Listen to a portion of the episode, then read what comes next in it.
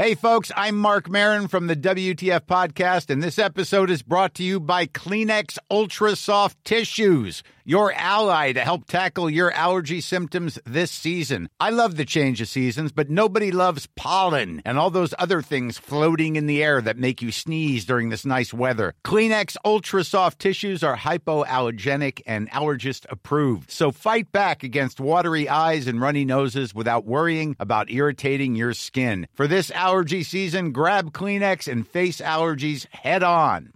Hey, I'm Ryan Reynolds. At Mint Mobile, we like to do the opposite of what Big Wireless does. They charge you a lot, we charge you a little. So naturally, when they announced they'd be raising their prices due to inflation, we decided to deflate our prices due to not hating you. That's right. We're cutting the price of Mint Unlimited from $30 a month to just $15 a month. Give it a try at mintmobile.com slash switch. $45 upfront for three months plus taxes and fees. Promo rate for new customers for limited time. Unlimited more than 40 gigabytes per month. Slows. Full terms at mintmobile.com. Systrarna Elvstrands hästpodd är producerad av Mediahouse by RF. Hej på er allesammans och varmt välkomna till systrarna Elfstrands hästpodd avsnitt 128. Välkommen, välkommen. Jag som pratar nu heter Emma. Och jag heter Anna och jag är ju då lilla syster till dig MC. Ja, och jag är stora syster och jag har för övrigt precis varit sjuk. Är inte helt återhämtad än. Så ifall min röst låter lite annorlunda mot vad den brukar göra så vet ni varför. Ja men det låter lite som du har en klädnypa på näsan. ja men lite så kanske. Mm. Men jag känner mig ändå relativt pigg nu mot vad jag gjorde för några dagar sedan. Väldigt skönt. Ja. Och jag har ju lyckats att inte bli smittad, i alla fall än så länge. Det känns mm. ju lite konstigt om jag skulle bli sjuk nu tycker jag. Ja det gör det. Men vem vet, det kanske kommer att bita mig i röva. Ja alltså det var ju Falsterbobacillerna som tog mig till slut. Men du, jag läste det att det var flera stycken som blev jättesjuka efter Falsterbo. Jaså? Ja men det blir ju lätt så, även om det säkert har varit så alltid, men säkert också efter eh, coronapandemin, mm. så har man gått lite i sin egen bubbla och kanske inte hittat på så mycket och är inte så van vid andras basiller och nu när vi väl hitta på saker så ja, det är klart att immunförsvaret kanske inte är riktigt så kraftfullt som det har varit. Nej, men så är det verkligen. Vi eh, har ju inte varit ute bland så många folkmassor så att säga. Och det var kanske den där festen som jag var på som inte du var på som gjorde att jag blev drabbad Anna. Kan mycket väl varit så. jag tror det. Vi båda var ju på showen och du har ju klarat dig från det. Ja, det har jag faktiskt väldigt skönt. Och det var ingen covid ska tilläggas utan bara en vanlig hederlig förkylning. Ja sådana florerar ju tyvärr ja, året om också. Exakt, de gör det. Men jag mår fint men jag var inte så pigg för några dagar sedan. Och sen så lyckades jag såklart också bli sjuk mitt i den största värmeböljan vi hade. Ja det var helt sjukt. Vi har haft mm. 35 grader väl? Ja något sånt där tror jag. Ja. Och det är helt galet men jag vet att det har varit så i stora delar av landet också. Ja. Så jag har ju då som varit frisk badat ganska mycket. Ja det var ju jättekul att inte kunna göra det när det var så himla varmt. Och att mitt hus är en bastu när det är så här varmt mm. ute. Men det är nog de flesta som inte har vad heter det, AC eller mm. stenhus typ. Ja precis. Men eh, jo, hur jag mår då, tackar som inte frågat jo. på typ så fem avsnitt. Ja men hur mår du gumman? jag skojar. Jo men jag mår bra, jag är ganska trött ärligt talat. För att vi har varit iväg på rally, jag, Samuel och två av hans kompisar. Och vi åkte iväg fredag ja men typ vid klockan ett kanske. Och då körde jag hela vägen upp till Uppsala med bilsläp, vilket inte är mitt favoritsläp. Nej. Jag har ju kört husvagn, bilsläp och ja, hästtransport då givetvis. Mm. Och hästtransport och husvagn tycker jag ändå ligger väldigt bra bakom bilen. Ja. Men jag vet inte om det var något fel på det här bilsläppet eller om det bara inte passade så bra ihop med Samuels Navara eller vad det var. Men det mm. var liksom lite wobbligt och sådär. Ja. Så då fick jag sitta lite på helspänn hela vägen och jag var helt död när jag kom fram. Men det har varit lite spännande att vara på rallytävling för jag har aldrig varit det förut. Jag har ju bara varit med när Samuel har tävlat folkrace och det är ju typ som man åker bil ja, tre gånger på samma bana mm. i olika heat som det heter. Och den banan ser väl publiken liksom hela banan också? Exakt. Och sen har jag kört rally på rallysprint tror jag det heter och det är mm. egentligen lite samma sak som folkrace men det är en lite längre sträcka. Så då ser man inte hela banan men det är också på en och samma bana och då åkte jag ju med honom. Men den här gången så var det ett riktigt rally och då åker man ju iväg på olika sträckor. Så han och hans kompis Kalle de kör ihop och vi hann med att se första sträckan, sen så körde de andra sträckan och sen så åkte jag och Samuels andra kompis Linus som var mekaniker till sträcka tre och knallade runt i skogen och skulle hitta ett bra ställe att stå på. Nej, då väntade vi och väntade och så såg vi att nummer 102 kom och svischade förbi. Både jag och Linus tog upp våra mobilkameror för att filma Samuel som hade 103. Och det kom ingen. Och det kom ingen. Och det kom ingen. Och både jag och Linus bara, fan, nu har de kört av. Och mycket riktigt så hade de ju gjort det. Ja. Men det gick bra. Det ser ju så brutalt ut med rally. Mm. Ofta tänker man att nu har det gått fullkomligt åt eh, skogen. Mm. Men, nej, men de klarade sig jättebra. Inte en skråma för varken Samuel eller Kalle. Och bilen, ja det behöver nog bytas några delar men det gick ändå helt okej. Ja. Så att eh, ja, då skulle vi få upp bilen som hade stått på två jättestora stenar typ. Mhm. Mitt ute i diket och ja, sen åka hem. Så att lite seg idag, även fast jag har sovit väldigt många timmar. Ja, jag förstår det verkligen.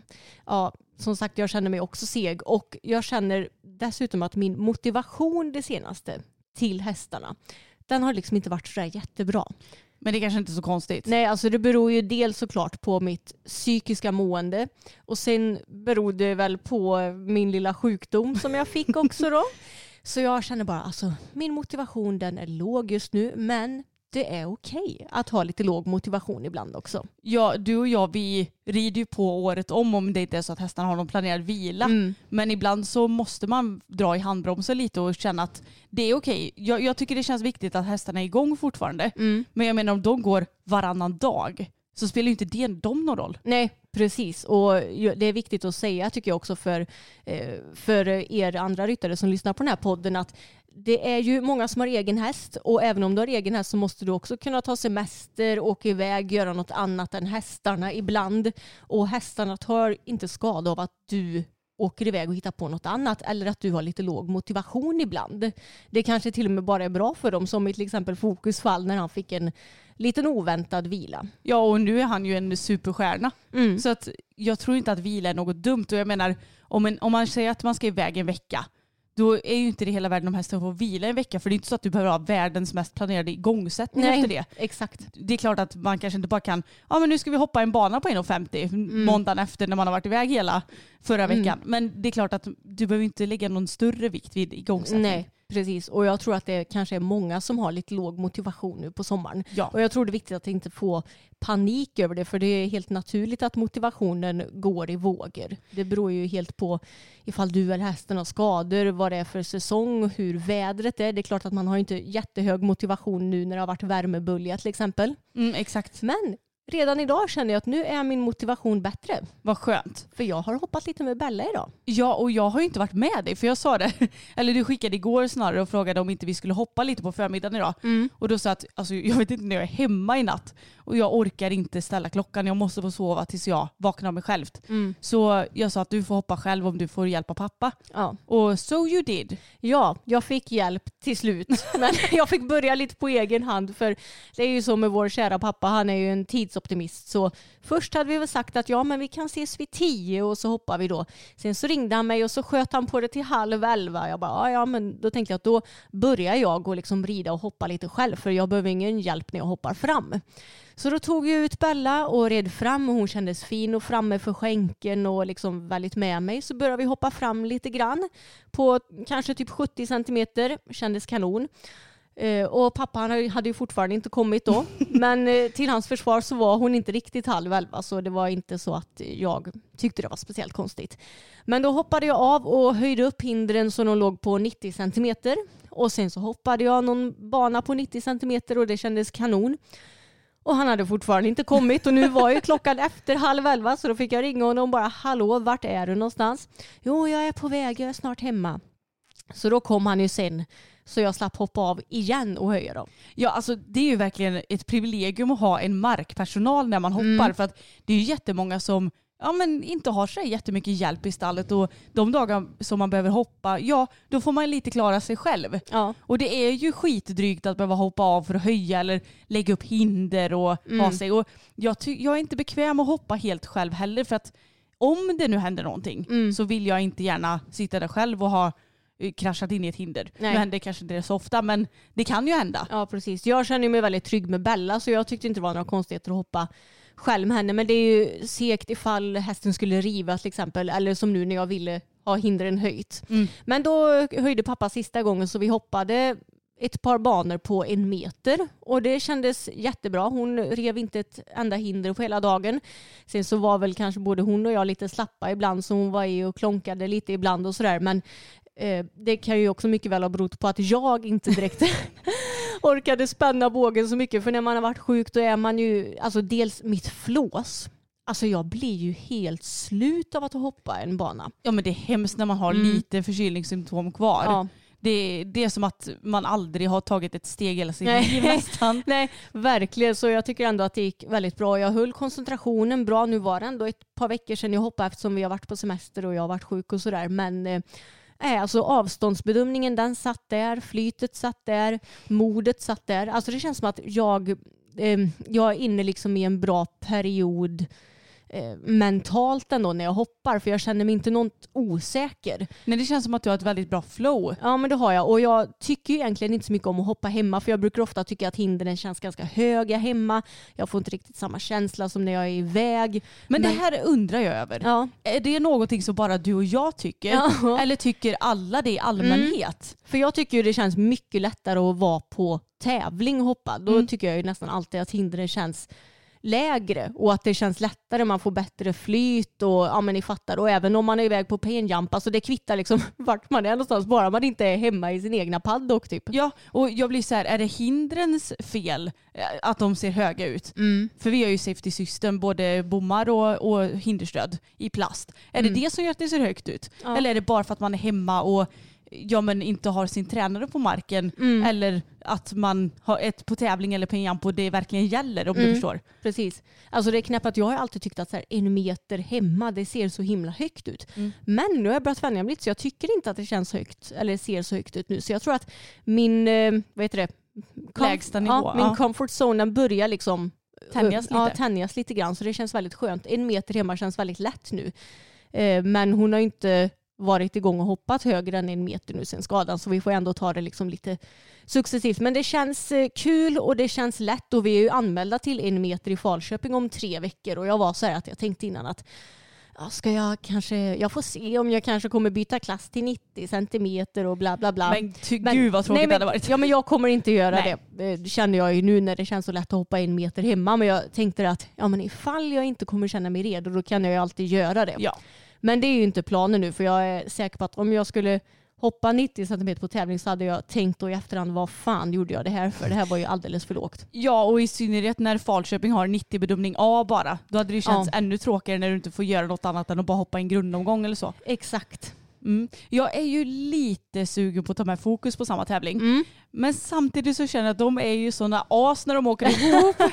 så jag vet inte om jag orkar med det. Nej. För vi hade ju, eller vi har i och för sig inte varit iväg på samma tävling med dem i samma transport. Vi har ju bara åkt i separata transporter. Mm. Men vi har ju varit iväg på dressyrträning ute i paddocken Mm, en det. gång. När jag skulle rida fokus först och du skulle rida halvtimmen efter mig va? Mm. Eller ja, direkt efter mig och Mm. fokus. Mm, då så kunde ju fokus inte bete sig. Nej. Han stod ju på bakbenen, eller Jo det gjorde han ju men det var ju inte så att han stod rätt, upp. Det var bara lite grann. Mm. Och höll på och gnäggade och skulle galoppera mot Bella trots att hon var väldigt nära men ändå så långt borta enligt honom. Mm. Så jag vet inte om jag pallar med det för jag vet inte hur han, framförallt han kommer bete sig. Hon bryr sig inte så mycket. Men, Nej men hon är nog ganska så cool tror jag. Mm. Men det är ju ja, det är han som kanske kan vara lite problemet där. mm, så jag får fundera lite på om jag orkar försöka mig på det eller Mm. inte. Men vi är ju faktiskt anmälda till två tävlingar jag och Fokus. Men jag tänkte precis säga det att ni ska ju ändå iväg och tävla. Ja, dressyr dock. Ja.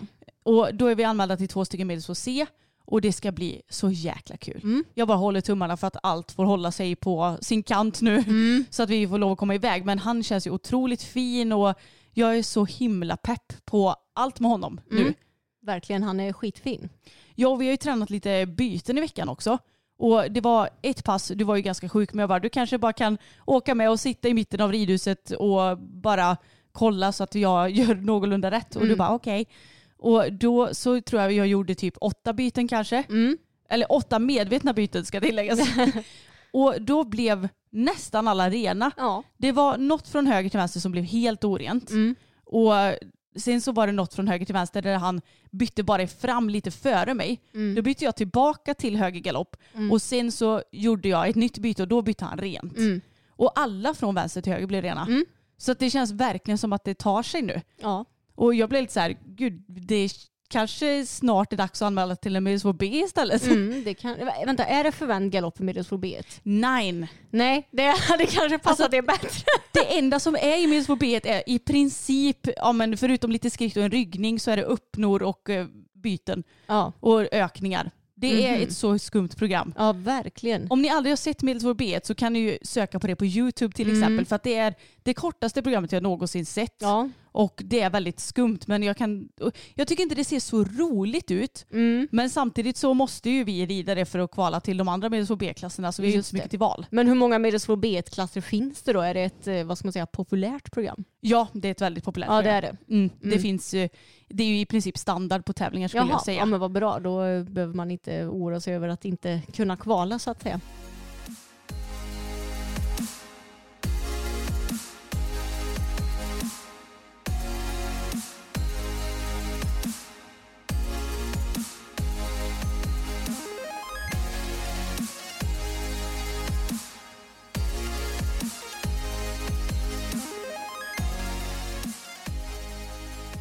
Men Anna, vi måste ju ta och snacka lite om fokusben också, för det har ju varit den här poddens största topic under hela våren och nu har vi ändå varit lite tysta om det känns det som de senaste avsnitten och det har ju sin anledning. Ja, jag tycker lite synd om våra lyssnare som bara får lyssna på tjat om sår hela tiden. Mm. Nej men det är ju för att det är så stabilt nu. Mm. Det har inte kommit upp något nytt sår. Peppar peppar ta i trä, nu nuddade jag ditt trägolv med foten här. Mm. Men det ser jätte, jättefint ut. Det enda som är är ju egentligen att han har några torra partier. Ja. Det är som när man blir skittorr på armbågen du vet och det blir så här Mm. flagigt och äckligt. Lite så har han på, ja men bak till på bakbenen. Och jag blir så här, jag vet inte riktigt om jag ska bemöda mig att göra något åt det eller om jag bara ska låta det vara. Mm. För det verkar ju inte spricka upp och han verkar ju absolut inte ha ont av det för han är ju jättefin och ja. pigg och glad. Det kanske är bäst att inte joxa för mycket med det. Ja men jag tänker det. Jag tänker att det enda jag kan göra är att kanske ta pyttelite, ja men kanske lite babyolja eller någonting Ja. för att fukta till det lite. Någonting mjuk- mjukgörande bara. Ja, Är du glad över att slippa hålla på och krångla med de här strumporna nu eller? ja, men skojar du eller? Mm. Jag tycker ju ändå att strumporna är väl säkert det som har räddat hans ben. Ja, garanterat. Så jag är ju jätte, jätte, jättetacksam för dem. Men gud vad skönt det är att slippa ta på av dem. Mm. För att framförallt att ta av dem har ju varit så himla jobbigt tycker jag. Ja. Det såg så enkelt ut på instruktionsfilmen men jag bara, de måste typ ha tagit två storlekar för stora strumpor och dratt av och på den där hästen som de visade. Ja, jag tänkte säga det, det kanske är lite dumt på en instruktionsfilm att bara visa hur jävla kämpigt det var. Ja och det värsta är ju också, för det var någon period som han hade så himla vassa bakhovar. Han har inga skor i bakfokus för att han funkar extremt bra utan. Han har så jävla bra hovar rent ut sagt. Tack och lov med tanke på hur dåliga, dålig hud han verkar ha. så det var någon period som jag frågade, eller tjatade på pappa om han kunde fila till hovarna för jag personligen kan inte det. Och det var mellan skoningar och så hade det ja, men blivit som en liten, ett litet hack i hoven kan man säga. Som var sylvast. Det slet ju upp mina strumpor. Så nu funderar jag på om jag kommer behöva köpa nya strumpor och ha ifall det händer igen. Ja. Så det är ju lite mäckigt för att ja, men har du skor på hästen med sömmar och sånt så ska du ju helst tejpa dem med silvertejp för att skydda från strumporna så att de ja, men inte slits upp så Mm. mycket. Men till slut så orkade jag ju inte bry mig. Nej. Så de är ju ganska så trasiga så jag får skylla Ja. mig själv. Men jag är så tacksam över att slippa ha dem på. Mm. För att det, ja, det är ju dels lite mäckigt men också kan jag tänka mig att det är skönt för honom att faktiskt få vara lite fri. Det tror jag verkligen. Så det är skönt att han mår så bra nu. Alla hästar mår bra. Pebban, ja, hon, eh, hon står ju i sin lilla box. Det märks faktiskt att hon har tröttnat Ja, nu. jag vet, det märks. Hon, eh, hon var, det kändes ändå som att hon var så himla liksom, lugn och fin de första, vänta hur länge har hon stått där nu? Ja, men de drygt- första två veckorna Mm. så kändes det som att hon tog det väldigt bra. Mm. Men sen så hände något. Nu är hon lite otålig och då tänkte ju jag då, det skedde ett litet missöde för ett par dagar sedan Anna, Ja, som jag tänkte berätta nu. Det här var ju då under tiden som jag var sjuk. Var hemma och hade lite tid och då tänkte jag varför inte gå ut och beta lite med min kära häst som har så tråkigt och bara får stå inne i sin box och äta tråkigt hö. var det någon som stod inne med henne då när du skulle gå ut och beta där? Ja, det var det. Då stod Wellington inne. Och våra andra tre hästar var då ute i hagen. Och då går jag med henne till tarmen, det vill säga vad ska man säga? Alltså, Vårt mellanrum mellan paddocken och hagen. precis mellanrummet mellan paddocken och hagen för där finns det ju en del gräs. Så tänkte jag då går jag dit och betar med det. Hon var jättelugn och fin när jag gick dit med henne och liksom inga konstigheter att gå ut och leda henne. Vi ställer oss i tarmen och hon börjar äta gräs. Och vad händer då? Jo, våra tre små andra idioter till hästar som var inne i lösdriften bredvid tarmen, de inser att nej men gud, Pebbles hon är ute. Då kommer de utspringandes ifrån lösdriften och börjar bralla och bocka och kuta som idioter i hagen. Så de drog med sig henne och lilla jag var chanslös. Så hon var på rymmen ett tag. Och hon sprang som en idiot på gården. Man bara, ja vad bra att vår häst som ska gå på boxvila är ute och liksom kutar omkring som en toka här på gården. Men hur såg hon ut då? Såg hon ren ut? eller? Ja men alltså hon såg ut som en million bucks nästan. Så det jag kan ju säga att hon är ju bra mycket fräschare nu mot vad hon var för två veckor sedan. Då var hon ju blockhalt eh, på sitt stackars bakben. Men nu såg jag ju när hon travade med jättestora fina steg och det såg jättefint ut. Och galopperade också då såklart. Ja, och jag tänker lite att det är klart att hästar är flyktdjur så det är såklart att hon hakar på flocken.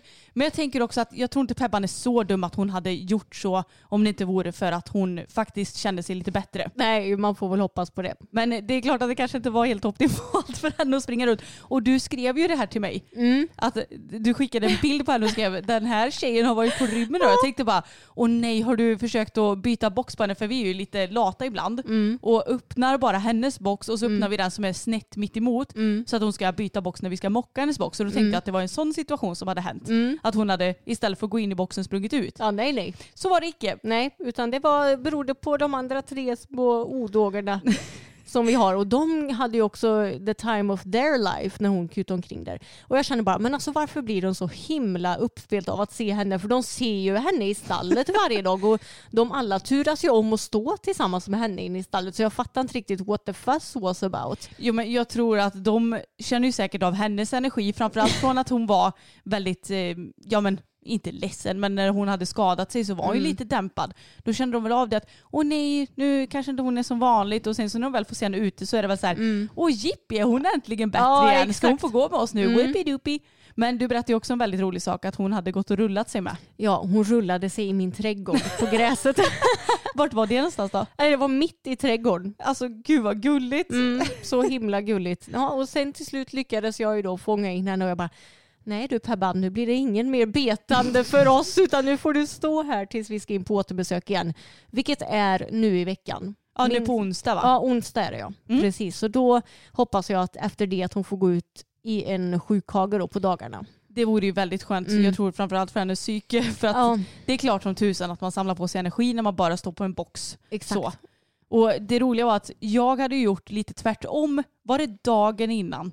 Eller dagarna innan. Mm. Då var jag sådär att ja, men Pebban hon såg inte så himla gör förtjust ut i sitt hö utan hon stod mest och tittade ut i stallgården när jag höll på och grejade med annat. Och då var jag såhär stackars Pebban hon får bara hö. Mm. Vilket egentligen inte, inte alls är synd om henne för hon får mat men då tänkte jag då ska hon få lite gräs. Jag känner mig aldrig som en så pure horse girl. Mm. Så när jag tar min höpåse, går ut och sätter mig, det var också i tarmen för övrigt, Mm. för där har det ju vuxit en del gräs för att Ja. Vi trimmar bara den delen emellanåt. Och så stod jag där för hand och ryckte upp grässtrån och maskrosblad och Ja. klöver. Hon blev så glad. Ja. Och då stod ju Tage och Fokus inne med henne samtidigt Mm. och de tittade på mig som bara så här ska inte vi få någonting? Och jag bara, ni får faktiskt vara ute och beta hela nätterna. Mm. Det får inte hon. Nej. Så ni kan inte vara avundsjuka. Nej. Och de bara, jo det är vi ändå faktiskt. Mm. Visst känner man sig som en riktig hästtjej när man gör sådana saker? Verkligen, jag får kanske också ta och göra det då. Istället för att försöka mig på att beta lite. Ja, men jag funderar på, jag tror att jag har sett något så här trädgårdsredskap som är som en jättelång, det är en sax med långa, långa handtag. En sån skulle vi haft för det var lite jobbigt för fingrarna att hålla på att dra upp gräs. Mm, det förstår jag. Men jag måste säga att jag är så stolt över Fokus också för nu har han ändå stått inne en hel del och det är liksom inga problem. Alltså han var helt tokig i början när han stod inne och sen när han skulle ut på morgonen. Ja, för att när han kom till oss då hade vi ju då hade vi ju dels hästar på box Mm. som var inhyrda hos oss. Och sen så hade vi, var det bara Tage och Boppen på lösdrift då? Tror det. Eller om det var kanske någon mer häst som var på lösdrift samtidigt. Mm. Och då så var det ju så att det fanns en plats för honom inne i boxen och jag tänkte Mm. att det är väl lika bra för att det är ju det han är van vid. Och så kan vi väl se om han får gå på lösdrift senare. Men varje morgon man skulle släppa ut hästarna Ja. så var man ju tvungen att börja släppa ut fokus. Och när man kom på morgonen så stack han ut sitt huvud genom boxdörren och så sa han Wii! Mm. Wii! Och så viftade han runt på huvudet i en cirkel. Så gör han absolut inte nu. Nej, han är hur lugn som helst. Ja och då har han ändå någon dag så har han stått inne ganska länge för det, ja, men som sagt det har varit skitvarmt. Mm. Då har vi fått ta in de hästarna som får plats i stallet. Mm. Ja men typ vid nio kanske och sen släppa in dem. Okej kanske har varit från åtta till nio på kvällen Ja men ungefär. typ 12 timmar i alla fall. Ja men 12-13 timmar. Mm. Och det är ju ändå väldigt länge mot vad han är van vid. Mm. Men när man kommer så öppnar jag boxdörren, han försöker inte se på att smita. Det kunde han göra i början Ja. när vi hade honom i box.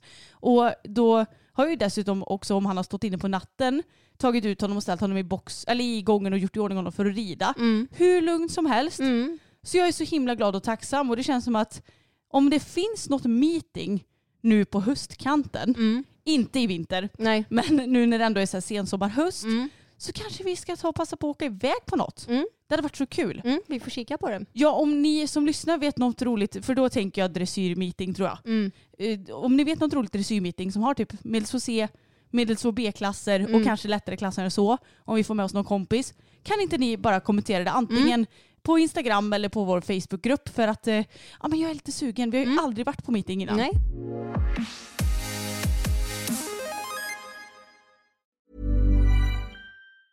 There's never been a faster or easier way to start your weight loss journey than with PlushCare.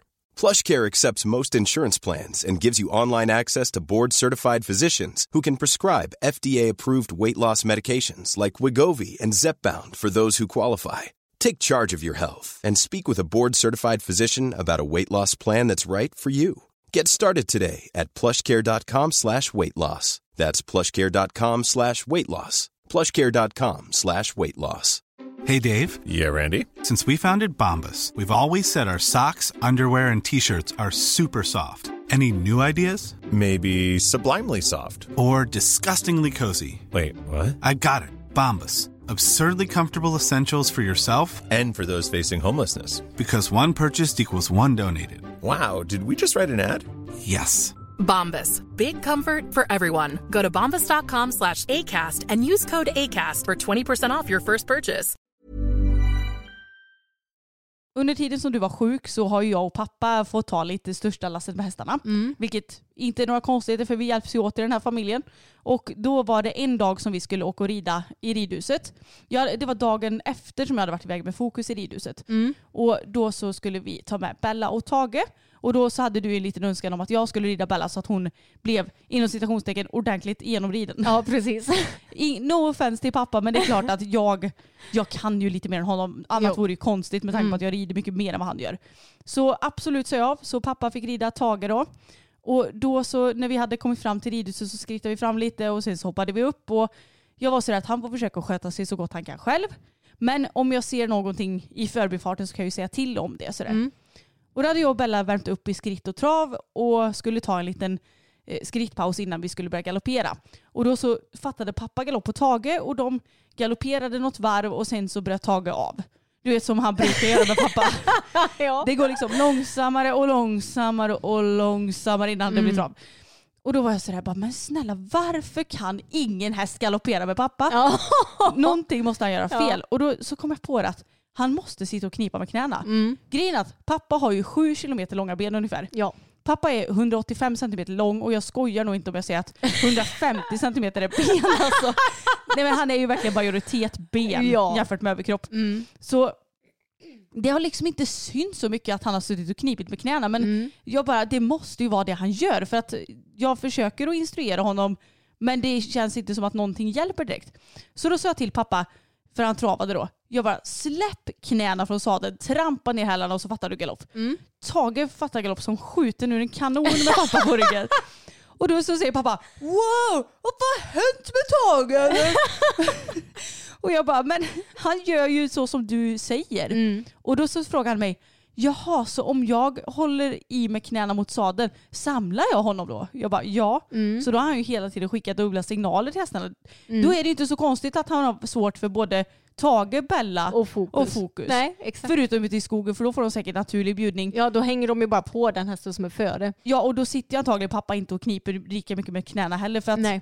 När han rider dressyr blir det ju, det blir ju lite olika ridning ute i skogen jämfört med på banan kan jag Mm. tycka ibland. Så att det var så himla kul att se att pappa, det var som att han, en helt ny värld öppnade sig för honom. Det var en aha-upplevelse. Ja det var så gulligt så att Mm. eh, han ville ju typ inte sluta galoppera sen. Nej, vad gulligt. Så jag sa, fick säga till pappa att nu kanske det räcker för Tage blev ju rejält svettig. Det var ju en av de här dagarna det var så jäkla varmt Ja. också. Så därför flydde vi till ridhuset för det är ju isolerat. Ja. Gud vad det är skönt. Ja, men dagens tips då om eh, ni kanske själva sitter på hästar som är lite segare eller som inte riktigt går fram att släpp knäna. För Mm. det kan ju vara det som du sitter och bromsar med omedvetet kanske. Ja och det är så svårt också när en häst är lite seg för att då vill man gärna hjälpa till med hela kroppen känns det som och då Mm. är det lätt att det blir att man kniper lite med knäna. Så jag, jag har själv varit där. Men jag fattar inte varför det har tagit mig så lång tid att inse att pappa gör så också. Nej, men jag har inte heller tänkt på det. Nej. Men det är ju skönt att vi äntligen har kommit underfund med problemet då. Mm. Så nu ska det bli spännande. Jag hoppas att han, för jag ska ju iväg nu till veckan, så då kanske pappa kan rida Fokus eller Bella eller någonting någon gång. Det ska bli intressant att se om han lyckas Mm. få galopp på dem på ett bättre sätt också. Ja men exakt. Och på tal om pappa så måste jag bara berätta ja, men ännu en liten veckans Hans då kanske. Och det var ju ja, men vår första ridtur efter att jag hade varit sjuk så skulle vi rida ut på hästarna. Och då skulle pappa rida Bella. Och vi har ju haft Bella i fyra år. Hon har haft samma sadel och liksom samma typ av utrustning i fyra år. Och när han ska sadla henne så tar han tag i hennes fårskinnspadd, en sån fårskinnspadd som hon har haft i fyra år och så säger han har Bella en sån här padd alltså? Han är helt hopplös. Ja. Och det var samma sak. Jo, det var när jag skulle rida Bella i ridhuset ja. För då Mm. skulle han packa in i transporten innan vi skulle åka. Och då så sa jag, för han tog först bara med sig Tages träsut. Jag bara, kan du ta med Bellas också? Och då frågade han, vilket är det då? Och jag bara, men snälla pappa, för din skull så har jag gjort namnskyltar på alla träden. Det står ju på namnskylten. Och han bara, men det hänger ju ett bettlöst träns här också. Jag bara, jaha, men jag, jag vill ha bett idag i alla Mm. fall. För då hade någon hängt träset fel, vilket inte hela världen för att Mm. vi har ju ändå haft en del medryttare som ridit det senaste så det är inget konstigt alls. Nej. Eller om någon av oss har vimsat till det, det vet man aldrig. Men det är bara så kul att han, alltså han är så disträ. Jag tror inte Mm. någon fattar hur disträ han är. Nej, det tror inte jag heller. Det är galet. Men det är också det som är så himla kul ibland Mm. också. Och Anna, innan vi går in på lite ja, men typ nyheter och utrustningssnack så måste du bara berätta om en liten rolig händelse som skedde nu i veckan. Ja, och det, det märks ju när sådana här grejer händer så märks det att den senaste tiden har varit tuff för mig. För Mm. att hade det här hänt när jag hade varit lite mer psykiskt stabil Ja. så hade jag inte fått en grutta ångest utan bara oj då, ah, hoppsan det är sånt som händer. Mm. Men nu när saker händer som jag tycker är lite jobbiga, då kan jag inte riktigt lägga dem bakom mig utan då får jag ångest Mm. på en gång. Det är, det är lite jobbigt men eh, jag mår ju också bättre än vad jag gjort för några veckor sedan. Mm. Så jag, det går väl åt rätt håll. Men i alla fall, innan jag bytte telefon, för nu har jag äntligen, vi har ju köpt nya telefoner du och jag, Mm. för att våra har verkligen sjungit på sista versen. Ja. Du har ju till och med fått ta tag i en gammal eh, reservmobil. ja, som kameran typ inte ens funkar Nej. på. Så det var på tiden kan man säga. Men på min gamla mobil så har inte jag haft något skärmlås. Mm. Det är ju, antingen kan man ju ha så här tummen eller ansiktsigenkänning eller kodlås eller ja ni fattar. Jag har inte haft någonting för att jag har varit väldigt lat. Mm. Vilket ju är väldigt dumt för om den blir stulen så är det ju lättare för person att ta över den och sådär.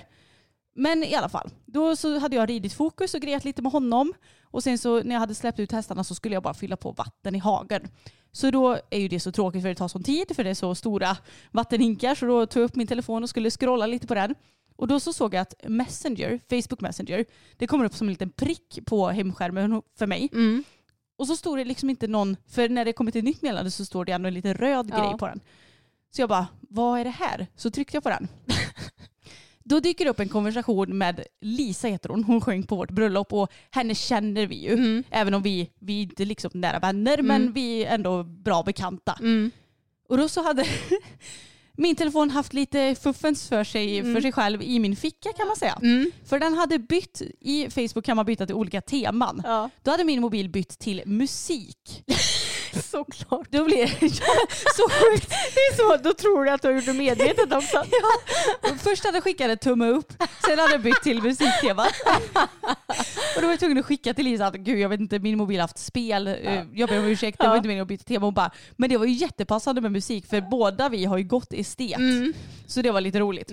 Men sen så går jag ut ur den här konversationen och inser att min telefon har skapat inte mindre än fyra olika chattgrupper med folk som både innehöll Lisa i alla de här fyra. Jag vet, min mobil älskar tydligen Lisa.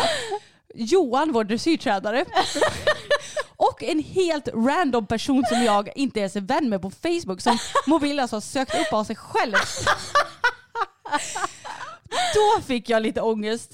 För att det är så här, de här tre personerna har ingenting gemensamt. Nej. Så jag bara, åh. Då tog jag bara bort de konversationerna. Ja. Vilket innebär att de är borttagna ur mitt system. Men jag tror säkert att om de går in på meddelandeförfrågningar eller någonting så syns de säkert hos dem. Ja. Men jag tänkte att de kanske får en massa sånt. Så då kanske de inte märker det. Hade inte din mobil lagt till folk som vän också? Jo, en person Mm. hade den lagt till som vän. Och då var det ändå en person som Ja men jag känner väl inte personen i frågan. Mm. Men som ändå är kring mina kretsar. Och nu kan jag ju inte behöva ta bort den vänförfrågan. Nej. Men då blev jag skitorolig. Tänk om den hade lagt till en massa olika vänner Ja. på Facebook också. Då var jag tvungen att gå in och kolla. Men det var bara en tack och lov. Ja. Så då hade min mobil nöjt sig med det ravandet då. Ja. Jag bara okej nu är det jag som skaffar något kodlås eller någonting. det förstår jag verkligen. Jag fattar inte hur det går till. För att ibland när jag ska låsa upp min mobil Mm. så kommer det upp så här eh, skydd mot eh, tryck av misstag. Ja exakt, det gör det på min med. Ja, och då kan det bara vara att det är lite mörkt ute och bara, men jag ville verkligen låsa upp telefonen. Mm. Men nu, när den låg i min ficka, då minsann så var det inte tryck mot eh, skydd av misstag utan då dansade den loss bland Ja, ja. Facebook. Åh herregud. Skaffa lås till era mobiler så ni slipper med och samma sak. Okej Anna, jag tänkte att vi skulle ta och köta om två stycken utrustningsrelaterade grejer nu här i podden. Mm. Och det första det är Mountain Horse stövlar. För du och jag vi har ju insett nu på senaste tid att det känns som att Mountain Horse kvalitet har blivit så mycket sämre det senaste. Ja det känns verkligen så för du och jag, vi har ju i princip nästan, förutom de här gummistövlarna som du råkade klippa, Klippa av, av. en av min och en av din. Ni som har lyssnat på poddavsnittet ihop med Hanna, vår bästa kompis, ni vet vad vi pratar om. Ja. Men utöver det så har vi ju i princip nästan bara haft Mountain Horse som stövlar. Mm. Och vi, jag vet att de första paren som vi köpte de kunde vi ha hur länge som Ja. helst. Men det känns som att de inte har samma kvalitet som de hade förr i tiden. Nej. Nu, Men- har det, nu har mina stövlar gått sönder igen i knappen nere vid hälen på Mm. mina ena par stövlar som jag inte köpte alls för länge sedan. Och jag köpte ju dem som vardagsstövlar så jag använder dem ju ja, men de flesta dagar i veckan. Men jag tycker ändå att de ska la för tusan hålla för, av att man tar på sig dem och av sig dem och rider liksom en till två hästar om dagen med dem ändå. Ja, jag tänker att det är ju personer som rider betydligt många fler hästar om dagen än vad Mm. vi gör. Och vad får de ha för stövlar då i så Ja. fall? Men jag tror också att en anledning till att det har blivit lite sämre kvalitet det är för att förr i tiden så hade ju de stövlarna mycket tjockare läder du vet. Och de hade inte så mycket knappar utan det var mer en kardborrefäste högst upp vid dragkedjan här Mm. Just så att inte dragkedjan ska åka ner. Mm. Det fanns ingen knapp nere vid hälen. Nej. Så, och dessutom är skinnet tunnare nu. Mm. Vilket jag har kommit fram till att jag inte riktigt gillar. Ja, för det känns som att det blir väldigt slitet snabbt också på insidan av benet. Slitet snabbt och jag tycker att när man har lite tjockare läder som, jag har ju en gammal typ av stubbel som jag har till vardags, som Mm. vardagsstubbel. Det, det blir lite stabilare och jag gillar ju Mm. hårda dressyrstövlar. Mm. Så därför har jag insett att jag gillar inte så här kalvskinnsstövlar så mycket. Nej, Som är väldigt sladdriga och ja, men jag, jag tycker inte de ger lika bra stöd. Liksom. nej, men så är det. Så det är tråkigt för att jag älskar Mountain Horse i övrigt. Jag tycker att de alltid har väldigt tydliga storlekstabeller och Mm. de har ändå stövlar som passar ganska många olika ben. Mm. Just för att de har så här narrow, normal, wide och sådana där Mm. eh, lite olika vidder på stövlarna och det är inte bara så här någon centimeter som skiljer. Nej, exakt. Så det är lite tråkigt faktiskt. Ja, alltså jag har ju bara haft Mountain Horse säkert de senaste tio åren. Så det är skittråkigt men man vill inte hålla på och behöva köpa nya stövlar hela tiden också. Eller lämna in hos skomakare och ha sig. Nej det är ju dyrt både att köpa Mm. nya och lämna in hos skomakare såklart. Ja exakt men nu har jag inget annat val för knappen har ju gått sönder och det är ju skitstörande att eh, den skulle ha på där och fladdra. Och så har jag insett också att om man inte sätter fast den där knappen då liksom det blir lite det känns som att det blir vakuum på hälen på den sidan. Att, ja, men man, Okej. man känner att man inte har en knapp på ena foten jämfört med andra. För högerfoten som är hel den är stabilare än vänsterfoten som inte har någon knapp. Men vad knäppt. If that makes sense. Men så är det. Ja. ja, för du har ju knappar både högst upp vid där dragkedjan slutar Mm. som ska hålla det på plats men också nere vid hälen för att, det är väl för att skydda dragkedjan tror jag. Ja, jag tror det. Mm. Och dragkedjorna har ju inte heller alltid varit så bra på mountain horse-stövlar. Det är så här standard att man behöver byta den efter ett tag känns det som. Ja men det har jag nog inte haft Det, bekymmer nej, det har varit med. lite bättre nu senast. Det Ja. känns som att det var mer kanske förr. Ja jag tror det. Nu är det mer knappar och att det blir slitet och sådär tycker jag nog. Ja jag håller nog med. Mm. Men det är jättesvårt med stövlar för att jag tycker ändå att Mountain Horse har ju, de, de är absolut dyra om man Mm. jämför med att kunna köpa ett par chaps och skor. Liksom. Jo. Men de är ändå prisvärda om man jämför med många andra som är helt snordyra. Mm. Men eh, jag vet inte. Det känns som att det har hänt något och samtidigt så vet jag inte varför man inte ska göra på samma sätt som man alltid har gjort. Mm. Nej, precis. Så det är lite trökigt. Men, men så är det. Det kanske är fler än oss som har gjort den här reflektionen det senaste som också är fan av mountain horse-stövlar. Mm, det kan ju vara så. Mm. Men du hade ju också fått syn på en eh, sporre Emma. Ja, en ny spännande sporre som jag fick syn på i veckan. Är den Sproilans ny eller har den funnits ett litet tag? Du, det är en bra fråga. Jag tror att den är eh, eh, ganska så sprojlans ny. Jag tror inte, eller nej, det kanske inte alls är. Vi har inte sett den tidigare i alla fall. Nej, men jag såg att eh, om det var tidningen eh, Ridsport som hade lagt ut någon artikel om det. Det var ju såklart en plusartikel då så jag kunde inte gå in och läsa den. Nej. Men då såg jag bilden på spåren och bara, aha vad tusan är det här för någonting? Så då googlade du på spåren för att kunna läsa om den ändå eller? Ja men precis. Mm. Och spåren heter då Spränger Fair Rider och jag kan läsa lite om vad som står om den då i produktbeskrivning. Och det står att, eller jag kan först och främst säga hur den ser ut. Jag tänker att vi lägger ut en bild på den här på vår Instagram. Antingen i story eller i vårt inlägg. Och vi sparar för övrigt alla våra poddrelaterade stories i höjdpunkten som heter podden. Och då har vi podden 2021 för de avsnitten som släpptes 2021 och 2022 för avsnitten som släpptes i år. Men den här sporren då Anna. Alltså det, det, det är ju knappt ens en sporre skulle jag säga. För man, man ser ju att eh, man sätter fast den på stuven på samma sätt som en sporre. Men till skillnad från andra sporrar så är det liksom inte något smalt som sticker ut tillbaka utan det är som en kil kan man nästan säga. Kan jag få se hur den ser ut? Ja, jaha, den här har jag faktiskt aldrig sett Emma. Nej. Nej, det är nästan så. Den heter ju Springer Fairrider Flatback 20 mm. Så att det är som en kil i plast som sticker ut 20 mm då. Mm. Får man ju tro. Ja. Men alltså vad fan är det här eller? Ja jag vet, men ska jag ta och läsa beskrivningen? Ja, gör det. Och det står att den här sporren då är snäll mot hästen och perfekt för till exempel unghästen eller den unga ryttaren för en förlängd skänkel. Tunn och rundad men med en platt yta. Ja, så ni hör ju, den är ju helt platt då. Vilket gör den mjuk men med en precis effekt. Snäll mot huden eftersom den har en större och mjuk kontaktyta. Bra för att vänja unghästen för en sporre. Kan även vara ett bra alternativ för hästar som är känsliga för en vanlig sporre. Lätt och bekväm att bära. Okej, men en sak som jag undrar. Jag vet ju om att det fortfarande, tyvärr, Mm. är ett krav i dressyr på internationell nivå att man ska ha Mm. sporrar. Men annars, varför ska man vänja sin häst vid sporrar? Ja. Jag tänker så här, en ung häst är ju ett ypperligt tillfälle att lära den att ta skänken utan, Utan någonting. sporre ja, exakt. Ja. alltså, jag har väldigt svårt för att se användningsområdet för den här sporren. För jag tänker att det, det blir ju inte riktigt som en sporre utan det blir som en extra lång häl typ. Exakt. Mm. Det är ju, som du säger, en sporre för mig är ju ändå någonting litet som ska ge en kontakt på en liten yta just för att hästen ska ja, men känna den kontakten mer. Mm. Och vi är ju inte emot sporrar. Vi, det händer att vi använder sporrar. Jag gör det extremt, extremt, extremt sällan. Mm. Men till exempel på dressyrtävling med Bella har vi haft det båda Mm. två. Så det är inte så att vi är emot vanliga sporrar. Men jag känner bara att alltså hela syftet med ridning är väl ändå att man vill ha så lite som möjligt. Eller du och jag vill ju det i alla fall. Mm, precis, och det som jag inte fattar med den här är att då måste ju den här ligga an hästen typ hela tiden tänker jag. För det, eftersom det blir som en förlängd häl, det beror på hur du har din fot vinklad såklart. Ja. Men jag menar om du inte ska sitta och knipa med knäna så måste du ändå ehm, Ja men alltså det känns som att underskänken måste ju ändå ligga an hästen ganska så bra då. Ja, och jag tänker att har du en vanlig sporre så är det ju enkelt att bara tippa ut hälen lite grann.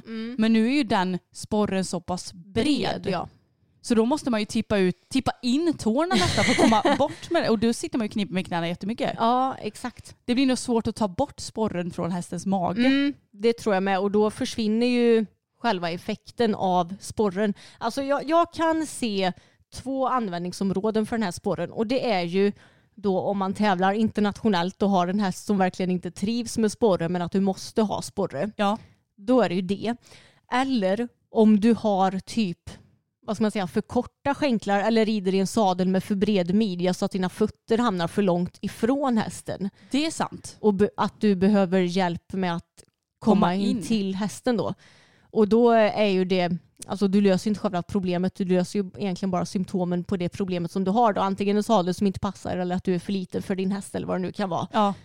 Men eh, ja, alltså det är väl de två egentligen användningsområdena som jag eh, känner att jag skulle kunna använda den här sporren för. ja, men har inte Springer också en sporre som verkligen inte är en sporre utan det är bara som en så här bygel typ?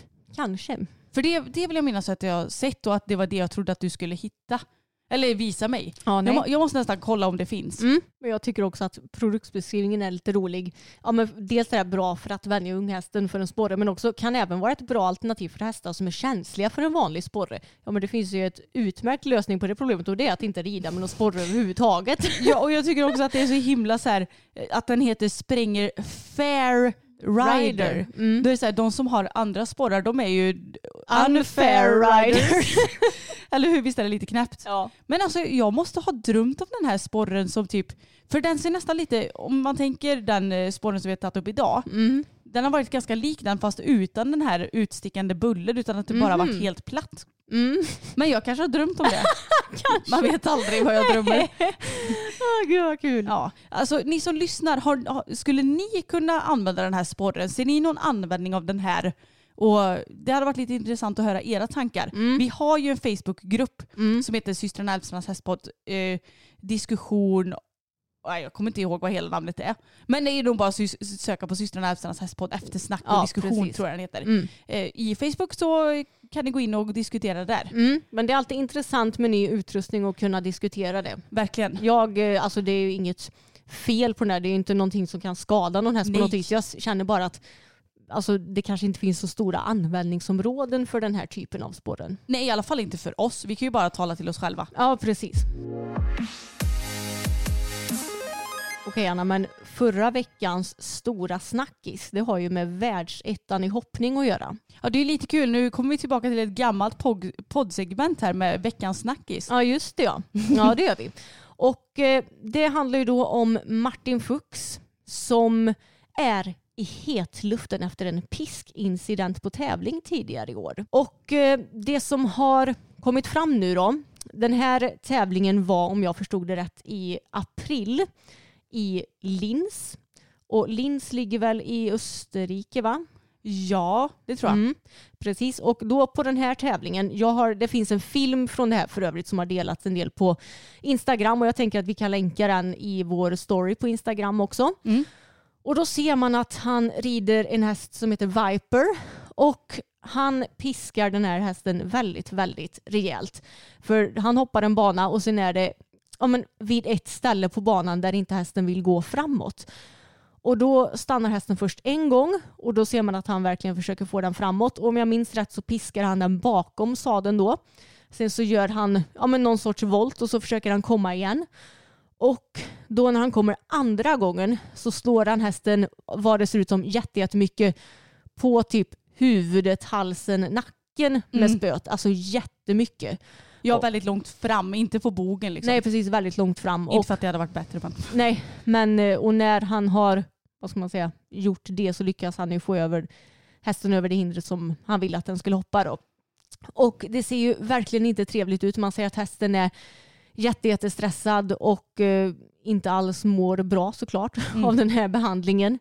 Och nu har ju ja, många kritiserat det här då. Och eh, det är en djurrättsorganisation i Österrike som anklagar Martin Fuchs för djurplågeri. Och de har anmält det här till både FEI och till Schweiziska ridsportförbundet. För Martin Fuchs är ju från Schweiz. Mm. Och Martin Fuchs har tydligen förklarat situationen med att hästen gick på bakbenen och att han slog den på halsen för att få den framåt och lösa en farlig situation. Och sen tillägger han att hästen fortsatte resten av banan på ett lugnt sätt och att det också blev så under fortsättningen på meetinget. Okej, men det som vi har sett i filmen har väl knappast varit något att hästen gått på bakbenen eller? Nej, nej, ah, nej, alltså inte direkt att lösa en farlig situation. Det skulle jag ju inte säga det som heller. Och man hade också kunnat lösa det med att inte fortsätta hoppa banan. För den ser ju inte ut att vilja hoppa banan om man säger så. Exakt. Och jag tänker också att du hade ju kunnat lösa en situation där hästen är jätte, jätte, jättestressad genom att lägga väldigt många volter i galopp, få hästen lång och låg och sen kanske eventuellt försöka att styra på ett hinder till och nöja dig sen. Ja, precis. Det är inte så att han har någon chans att vinna ändå med tanke på att hästen redan har inom stationstecken krånglat. Nej, och jag tänker också att det blev väl säkert någon vägran på grund av det. För att Ja. man får ju det om man korsar sin egen väg till exempel. Ja, det var riktigt vidrigt att se faktiskt och jag tycker det är så tråkigt när det känns som att det är allt eller inget på något vis. Att du ska fan med över det här jävla hindret eh, för att eh, det är ditt jobb som häst. När hästen skriker att jag vill inte. nej exakt. Och han ska tydligen ha kontaktat typ domarna på tävlingen själv och förklarat situationen. Så han har ju inte fått några sorters eh, eh, vad heter det? Ja, några, konsekvenser Nej, av exakt. det här. Inte på tävlingen och eh, inte heller av något ridsportförbund ännu. Och det är så jäkla tråkigt att ja, men de här stora ryttarna ska få fortsätta bete sig på det här sättet utan att få några konsekvenser. Ja, men det är så jäkla konstigt för att jag är övertygad om att hade han inte varit världsetta, säg att det här hade varit en helt vanlig, säg regional klass eller nu vet jag inte hur högt han Eller hoppade. bara en typ eh, internationell ryttare som kanske är rankad på plats 200 i världen. Exakt, då hade ju den fått massa, massa skit Mm. och den hade ju ja, men antagligen fått konsekvenser av ridsportförbunden också. Mm, precis. Det verkar ju som om FBI ska komma med något uttalande men de har inte gjort det än.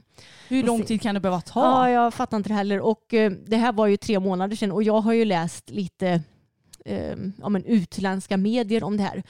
Och då, det som de fokuserar på är att ja, men om det var tre månader sedan, varför tar man upp det nu? Bla bla bla. Det är ju alltid aktuellt hur man behandlar hästar. Ja exakt, och tre månader sedan, det är inte så att det var tre år sedan. Exakt. Och då var det någon som kommenterade att ja men eh, det är inte direkt så att djurrättsorganisationer kanske sitter på varje livestream och liksom granskar allting hur noga som helst utan de har väl upptäckt det här nu och Mm. väljer då att ja, men ta tag i det nu och det är väl skitbra att det tas tag i nu oavsett om det skedde för tre månader sedan eller tre dagar sedan. Ja, och det kan ju vara så att de som var på plats på den här tävlingen, antingen så är de nötter allihopa och bara ja men det är så man lär hästar. Mm. Eller så kanske det var någon som inte riktigt eh, visste vart den skulle vända sig. Mm. Det, man kan ju inte hålla på och skylla på alla människor hela tiden men Nej. jag tycker det är bra att det överhuvudtaget kommer fram till ytan. Mm, verkligen och jag har sett att Martin Fuchs har fått stänga av kommentarsfältet på sina senaste bilder på Instagram. Mm, det kan jag tänka mig. Ja, han har nog säkerligen fått ta en hel del skit för det här. Men jag fattar inte hur man ska lösa situationer på ett sådant sätt. För att när vi var i Falsterbo så Mm. såg vi en ryttare, det var på Hantingen, så skulle den komma på en väldigt speciell oxer. Eller nej, det var så här. Ryttaren i fråga red fram till den här, det här speciella hindret innan sin start för att det var många hästar som hade reagerat på det hindret. Mm. Och hästen blev så här, åh herregud vad är det här för läskig skit sa den. Och då såg man att oj det kan nog bli lite bekymmer när ryttaren väl ska komma på det där hindret. Och då så var det som hinder nummer typ tre kanske Ja. på banan. Och då så fort han skulle börja vända höger upp mot det hindret så sa hästen bara nej. Jag vägrar springa ditåt. Och då höll de på och ja, men försökte att få hästen att gå ditåt för att det fanns ett alternativhinder men då var man ju tvungen att rida runt det läskiga hindret för att komma till det. Ja. Vilket antagligen var hans plan. Mm. Men han bara vägrade och vägrade och vägrade. Men han var så himla lugn. Jag tror Mm. det var en han. Mm. Mm. Han var så himla lugn i situationen och gjorde inget väsen av sig. Mm. Till slut så bytte han varv och tog hindret från fel håll. Mm. Och sen fortsatte banan och hästen var hur lugn som helst. Det, man kan ju sköta saker på det sättet Ja, också. Det går ju att lösa på ett, ett sätt som är lugnt och trevligt för hästen. Jag menar, Martins häst Viper, den är åtta om jag har förstått det rätt. Så det är ju liksom en ung häst i de klasserna. Hur kul kommer den tycka det att tävla då? Om det liksom tävlande innebär att den ska bli hur piskad som helst. Mm. Och att det enda som gäller är att du ska över eller igenom typ för att Ja. annars så får du fasen smaka på pisk. Ja, exakt. Nej, jag blir så trött och jag blir så less för att ibland så går man i någon sorts eh, bubbla och tänker att eh, det här med ja, men spöande och rollkyr och allt typ är borta för att man inte Mm. hört något på ett tag om någonting och Mm. så kommer sånt här upp och man bara nej men just ja, folk är fortfarande rövar. Ja, exakt. Och på tal om det här med rollkyr så leder det ju in oss på en annan ryttare Mm. som jag faktiskt inte kommer nämna vid namn även om jag, jag gärna hade velat. Mm. För att jag tycker att sånt här ska komma upp till ytan men jag tycker det känns väldigt onödigt för vi vill inte bli så här förtalsanmälda eller någonting. Nej. Men vet vad folk kan göra. Mm. Eh, Så att eh, det var en person som hade lagt upp en Instagram-story Mm. på en ryttare som red en sjuårig, Sjuåring. häst. Mm. Och bara kolla på den här eh, ryttarens eh, nya stjärna, wow, Mm. typ. Och så skulle väl personen i fråga försöka göra lite eh, passage och piaffjobb. Mm. Och formen, den är bortom all kritik. Mm. Säger man det så?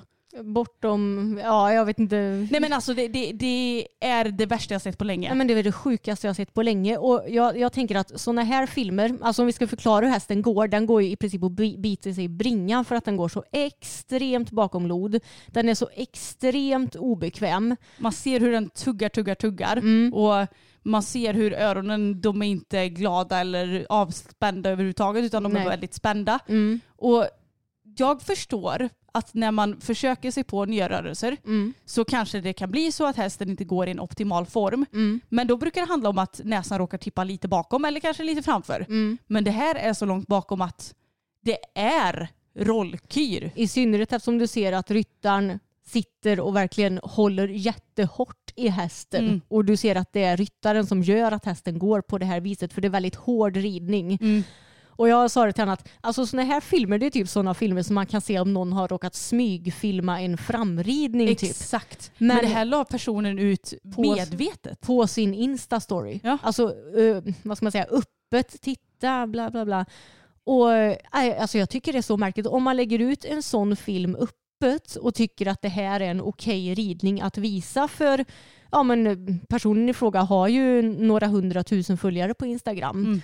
Och jag menar, hur rider de inte då hemma när man inte lägger ut något sånt här? Exakt. Och jag blev också så chockad över det här för det känns som att det var ganska länge sedan. Jag, jag kan ofta se former som jag inte tycker är helt 100% optimala. Mm. Alltså att jag gärna skulle vilja ha fram nosen några centimeter till Om typ så, ja, den där hästen går ganska så rejält bakom blod. Ja, men det var länge sedan jag såg någonting där det inte fanns något mellanrum överhuvudtaget. Mm. Så jag blev så himla chockad över att det här visas öppet för folk. Mm. Och att man skriver wow typ. Mm.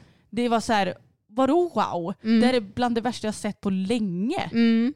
Nej, det var riktigt vidrigt att se och jag blir så frustrerad och skulle gärna vilja skrika ut för hela världen vad fan folk håller på med men eh, jag, vi får nog tygla oss själva lite tror jag. Ja, det får vi göra. Det, ja, det, det var riktigt vidrigt och tråkigt att se. Mm. Och att någon som har så många följare och då influerar kanske många unga ryttare att tro att det här är någonting som ändå är acceptabelt. Men Mm. alltså sån ridning är inte acceptabelt på något jävla vis. Nej men jag fattar inte ens hur man gör ärligt talat. Nej. För att jag tror att jag skulle kunna sitta och dra hur mycket som helst i våra hästar och ja det är klart att de hade kanske hamnat lite bakom lod men that's it typ. Mm. Jag fattar inte hur man gör och jag vill inte veta heller egentligen. Nej. Men, nej jag blir bara så less över hur folk tar hand om sina hästar. Mm. Vad fan låt dem springa så som de ska. Mm. Och som vi diskuterat så många gånger, det står ju i så här FEI och Ridsportförbundets, eh, vad heter det nu igen? Ja men typ stadgar. Ja, Mm. att hästen ska gå på lodplan eller strax framför. Mm. Men det gör ju typ, jo det finns hästar som gör det.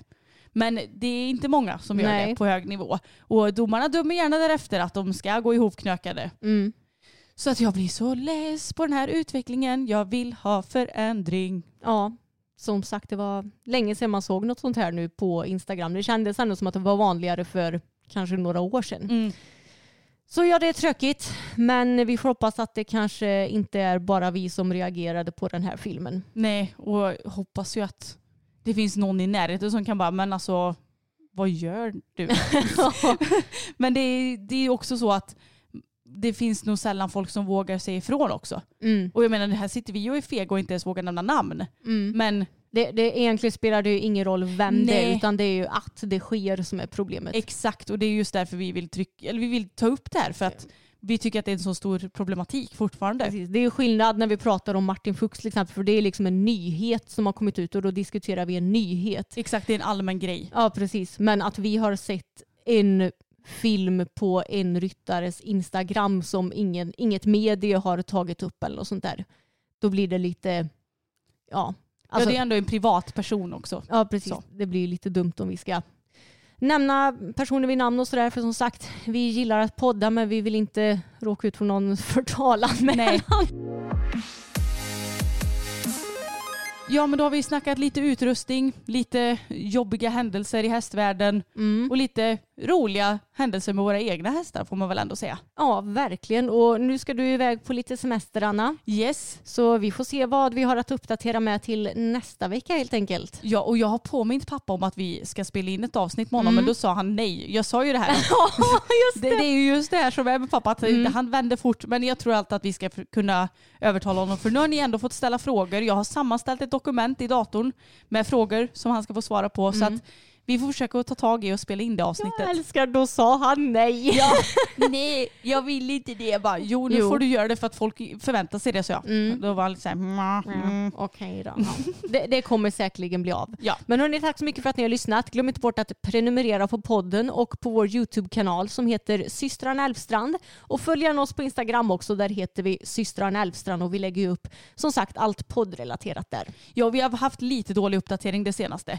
Där. Mm. Vi brukar ju vara mer aktiva på både stories och i vanliga inlägg. Mm. Men eh, ja, det är lite så. Vi är ju lite utmattade båda två och eh, har inte haft så jättemycket att uppdatera om. Nej, precis. Men eh, följ oss där så missar ni ingenting. Nej, ha det bäst hörni så hörs vi igen nästa vecka. Det gör vi. Hej då! Hej då! Selling a little or a lot? Shopify helps you do your thing however you cha-ching. Shopify is the global commerce platform that helps you sell at every stage of your business. From the launch your online shop stage to the first real life store stage, all the way to the did we just hit a million orders stage. Shopify is there to help you grow. Shopify helps you turn browsers into buyers with the internet's best converting checkout. 36% better on average compared to other leading commerce platforms because businesses that grow grow with Shopify. Get a $1 per month trial period at Shopify.com slash work. shopify.com/work. Imagine the softest sheets you've ever felt. Now imagine them getting even softer over time. That's what you'll feel with Bowl and Branch's organic cotton sheets. In a recent customer survey, 96% replied that Bowl and Branch sheets get softer with every wash. Start getting your best night's sleep in these sheets that get softer and softer for years to come. Try their sheets with a 30-night guarantee. Plus, get 15% off your first order at bowlandbranch.com. Code BUTTERY. Exclusions apply. See site for details.